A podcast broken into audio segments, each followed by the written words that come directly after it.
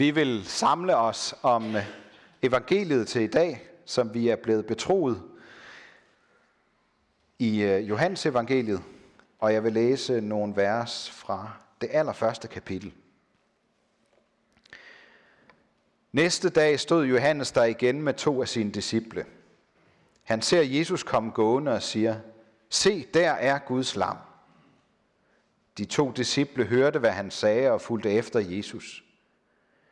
Da Jesus vendte sig om og så dem følge efter, sagde han, Hvad vil I? De svarede, Rabbi, hvor bor du? Rabbi betyder mester. Han sagde til dem, Kom og se. De gik med og så, hvor han boede og blev hos ham den dag. Det var ved den tiende time. Andreas, Simon Peters bror, var den ene af de to, som havde hørt, hvad Johannes sagde og var fuldt efter Jesus. Først møder han sin bror Simon og siger til ham, vi har mødt Messias. Det betyder Kristus. Han tog ham med hen til Jesus. Da Jesus så ham, sagde han, du er Simon, Johannes søn. Du skal kaldes Kefas. Det er det samme som Peter. Næste dag vil han tage til Galilea og møder Filip. Jesus siger til ham, følg mig. Philip var fra Bethsaida, fra samme by som Andreas og Peter. Philip møder Nathanael og siger til ham, ham som Moses har skrevet om i loven og lige så profeterne, ham har vi mødt, Jesus, Josefs søn fra Nazareth. Nathanael spurgte, kan noget godt komme fra Nazareth? Philip sagde til ham, kom og se. Jesus så Nathanael komme hen imod sig og sagde om ham, se, der er sandelig en israelit, som er uden svig. Nathanael spurgte ham, hvor kender du mig fra? Jesus svarede ham, jeg så dig, før Filip kaldte på dig, mens du var under fintræet. Nathanael udbrød, Rabbi, du er Guds søn, du er Israels konge. Jesus sagde til ham, Tror du, fordi jeg sagde til dig, at jeg så dig under fintræet? Du skal få større ting at se end det. Og han sagde til ham, Sandelig, sandelig siger jeg jer, I skal se himlen åben, og Guds engle stige op og ned over menneskesønnen. Amen. Lad os bede en bøn sammen.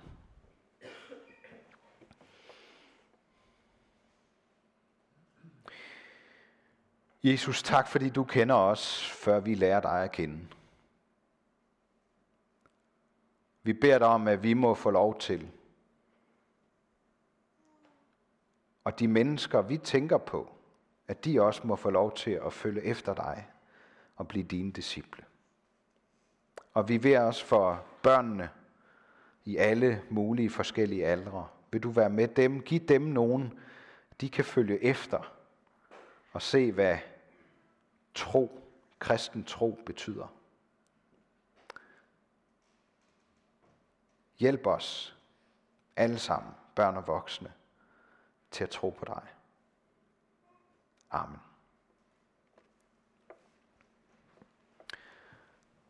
Jeg ved ikke, om I lader mærke til det, men øh, øh, jeg har ikke tænkt over det før. I begge de her læsninger, altså den om Jakob fra Gamle Testamente, og så det, jeg lige har læst nu, om de første disciple, der bliver kaldet af Jesus, der er der stiger med. Jakobstien, som den er blevet kaldt, den går fra himlen til jorden, og englene går op og ned af den. Men så tager Jesus fat i det billede med stigen, og så gør han det samtidig med de disciple, der er lige begyndt at følge ham. Og så siger han, I skal se himlen åben, og Guds engle stige op og ned over menneskesøn. De har hørt ham sige, kom og se. Men på det her tidspunkt, der har de ikke oplevet et eneste under endnu. Og det passer sig alligevel ikke helt. Fordi Jesus så Nathanael sidde under fintræet, inden han mødte Jesus. Rabbi, du er Guds søn, du er Israels konge, udbryder han. Og det er det, vi i dag skal prøve at undre os lidt over sammen. Det er det her med, om under fører til tro. Hen i slutningen af Johannes evangeliet, der er det tvivleren Thomas, der får at vide af Jesus, at man er salig, hvis man ikke ser og alligevel tror. Måske kunne vi sige, at det er langt vigtigere at blive set af Jesus, som Nathanael blev under fintræet. Men han og de andre disciple, de får løftet om, at de skal få større ting at se. Helt ærligt, vil vi ikke også godt på en eller anden måde være med i den flok? Vil vi ikke også gerne have lov til at se større ting? Et lille under måske? Er vores tro ikke afhængig af at se under? Lad os tage Jakob som eksempel. Han troede så lidt på Guds beskyttelse, at han flygtede langt væk fra sin vrede storebror, som han havde snydt for den første fødtes arv, fordi han ikke kunne vente på, at Gud ville give ham den. Og så undervejs på sin flugt, mens han ligger og sover, så viser Gud sig for ham. Ikke på sådan en måde, at han får en varm og rar følelse. Han bliver bange. Kunne det være, fordi han bliver fyldt af frygt? Eller fordi han så sig selv som et almindeligt syndigt menneske over for den hellige Gud? Herren er i sandhed på dette sted, og jeg vidste det ikke, siger han. Og så kalder han det Guds hus og himlens port. Er det ikke tankevækkende? At et sted langt uden for lands lov og ret bliver til Guds hus og himlens port for Jakob. Vi tænker umiddelbart sådan, at vi skal nærme os Gud. Vi skal sætte nogle rigtige rammer. Vi, vi skal være åbne for det åndelige. Så kan der ske noget. Så kan vi få større ting at se. Har vi i al vores åndelighed overset et af de største under i verden? At det er Gud, der kommer til os.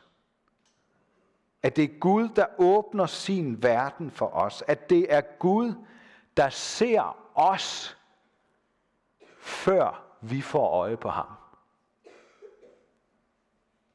Når vi flygter fra Gud ind i travlhed, ind i ligegyldighed, ind i en fiktionsverden, ind i en dårlig vane, ind i noget, vi tror, vi bedre kan overskue. Regner vi så med, at Gud er langt væk? At han har opgivet os, indtil vi måske vender tilbage og beder om hans tilgivelse?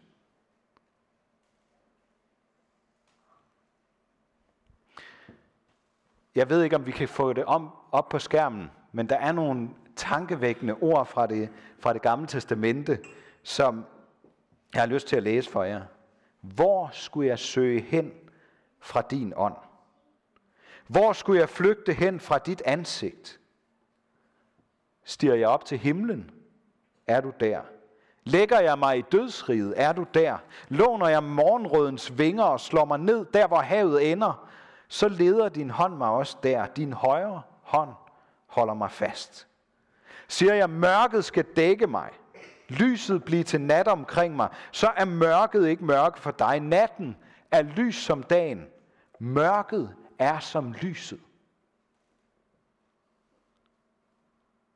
Det er nogle gamle ord fra salme 139 i det gamle testamente. Selv, selv når vi sover, så kan Gud åbne vores øjne på sin helt egen måde og sige, kom og se. Når vi er midt i en travl eller, eller måske nogle gange ensom hverdag, så ser Gud på os med kærlige øjne, der fortæller, at vi kan få lov til at få større ting at se. Jakob er med hele sin skæve livsfortælling en rigtig søn af menneskeheden. En smålig snyder, der tænker på sig selv på bekostning af andre. Et frygtsomt menneske, der flygter og hellere lader andre tage skraldet, hvis han kan redde sig selv. En helt almindelig mand, der længes efter kærlighed, succes og sikkerhed. Hans liv er på mange måder en lang flugt og kamp efter at finde sin plads og sin identitet. Han er utrolig nutidig i sin rådløshed og forvirring og søgen efter det gode, mens han for det meste ødelægger det for sig selv og andre. Det underlige, det er, at Gud på en eller anden måde er med ham. Især når han ser ud til at være allerlængst væk fra Gud. Måske skal vi til at tænke lidt anderledes om Gud og det med under. Vi er hver især skabt som et under, der kan få øje på Guds største under. Når som helst og hvor som helst. Jesus taler om sig selv som menneskesøn. Og det er han altså ikke kun i Jakobs forstand som en søn af menneskeheden, men også som en søn af himlens konge, der stiger ned og op af stigen mellem himmel og jord. Profeten Daniel beskriver i en åbenbaring menneskesønnen som sådan en guddommelig søn, der viser sig, så man ikke er i tvivl om, at han er større end almindelige mennesker. Han skriver sådan her, I nattesynerne så jeg dette. Med himlens skyer kom en, der så ud som en menneskesøn. Han kom hen til den gamle af dage og blev ført frem for ham. Herredømme, ære og kongerige blev givet ham. Alle folk, stammer og tungemål tjente ham. Hans herredømme er et evigt herredømme, som ikke skal forgå. Hans kongerige skal ikke gå til grunde. Som Jakob blev profeten Daniel også urolig over det, han ser, da han ser Gud. Og det er det billede, Jesus trækker ned på jorden i begyndelsen af sin offentlige vandring med mennesker rundt i Israel. Og det store under, det er, at han på trods af det viser sig også at være kvindefødt menneske med to ben, der går rundt på jorden og græder og griner og sover og taler, sådan som vi kender det. Det er det største under, der kun lige er begyndt at vise sig for de første disciple, når vi hører om Andreas og Peter og Filip og Nathanael. Er det under, der får mennesker til at tro på Jesus? Det er i hvert fald et under, hver gang det sker. Og vi bliver nødt til at få øje på underet, hvis vi vil tro. Troen indeholder det håb, at vi skal få større ting at se. Men, men det er tankevækkende, at så mange mennesker på Jesus tid så det ene under efter det andet, uden at det fik dem til at tro. Hvad var det, de manglede? Var det evnen eller viljen til at tro? Var det lysten måske? Havde de for stor en tro på det, de vidste i forvejen og kunne se? Eller var de for malige til at ændre på noget i deres liv? Det her kom og se, det kan lyde spændende. Vi bruger det, hvis vi har et eller andet, vi gerne vil vise hinanden. Kom lige og se, hvad jeg har købt, hvad jeg har fået, hvad jeg har lavet, hvad jeg har oplevet. Kom og se. Men det kan også høres lidt provokerende, fordi det antyder, at der findes noget, jeg ikke kan se fra det sted, jeg står lige nu. Jeg er nødt til at flytte mig, før jeg kan se det. Det antyder, at der skal en eller anden åbenbaring til, eller i hvert fald sådan en perspektivskifte til, før vi mennesker kan tro. Et under af en eller anden slags. Jeg har endnu til gode at møde en kristen, der ikke på et eller andet tidspunkt har fået øjnene op for en skjult side af virkeligheden, eller en ny erkendelse, som har haft afgørende betydning for troen. Troen lever af at se noget af det, vi ikke kan se med vores blotte øje. Men behøver det være sådan et mirakuløst under? Hvad var det, så mange manglede, men som de nærmeste omkring Jesus fik lov til at se? De fik lov til at lære underet over dem alle at kende og følges med ham. De fik underet med sig hjem i deres hverdag. Det var ikke bare et under isoleret til et bestemt sted eller en helt særlig oplevelse. Det blev livsforandrende for dem. De blev så afhængige af det, at de til sidst ikke længere vidste, hvor de skulle gå hen, hvis de ikke havde troen på Jesus med sig. De var ikke afhængige af at se under efter under, men at høre og gentage Jesu ord. Det evige livs ord. Så for at svare på dagens spørgsmål, fører under til tro. Jeg tror helt sikkert, at under kan skabe nysgerrighed og måske længsel efter at kunne tro. Men det er kun underet over dem alle, der kan give os troens gave. Det er kun, når Gud åbner forbindelsen mellem himmel og jord, at vi for alvor kan tro, at det ikke bare er noget, vi bilder hinanden ind.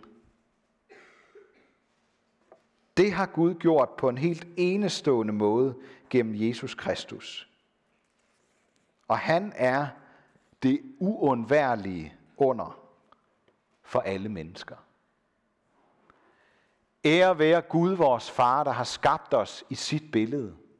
Ære være Guds søn, der tog vores straf, så vi kan leve i frihed. Ære være Helligånden, ham der åbenbarer Guds kærlighed for os.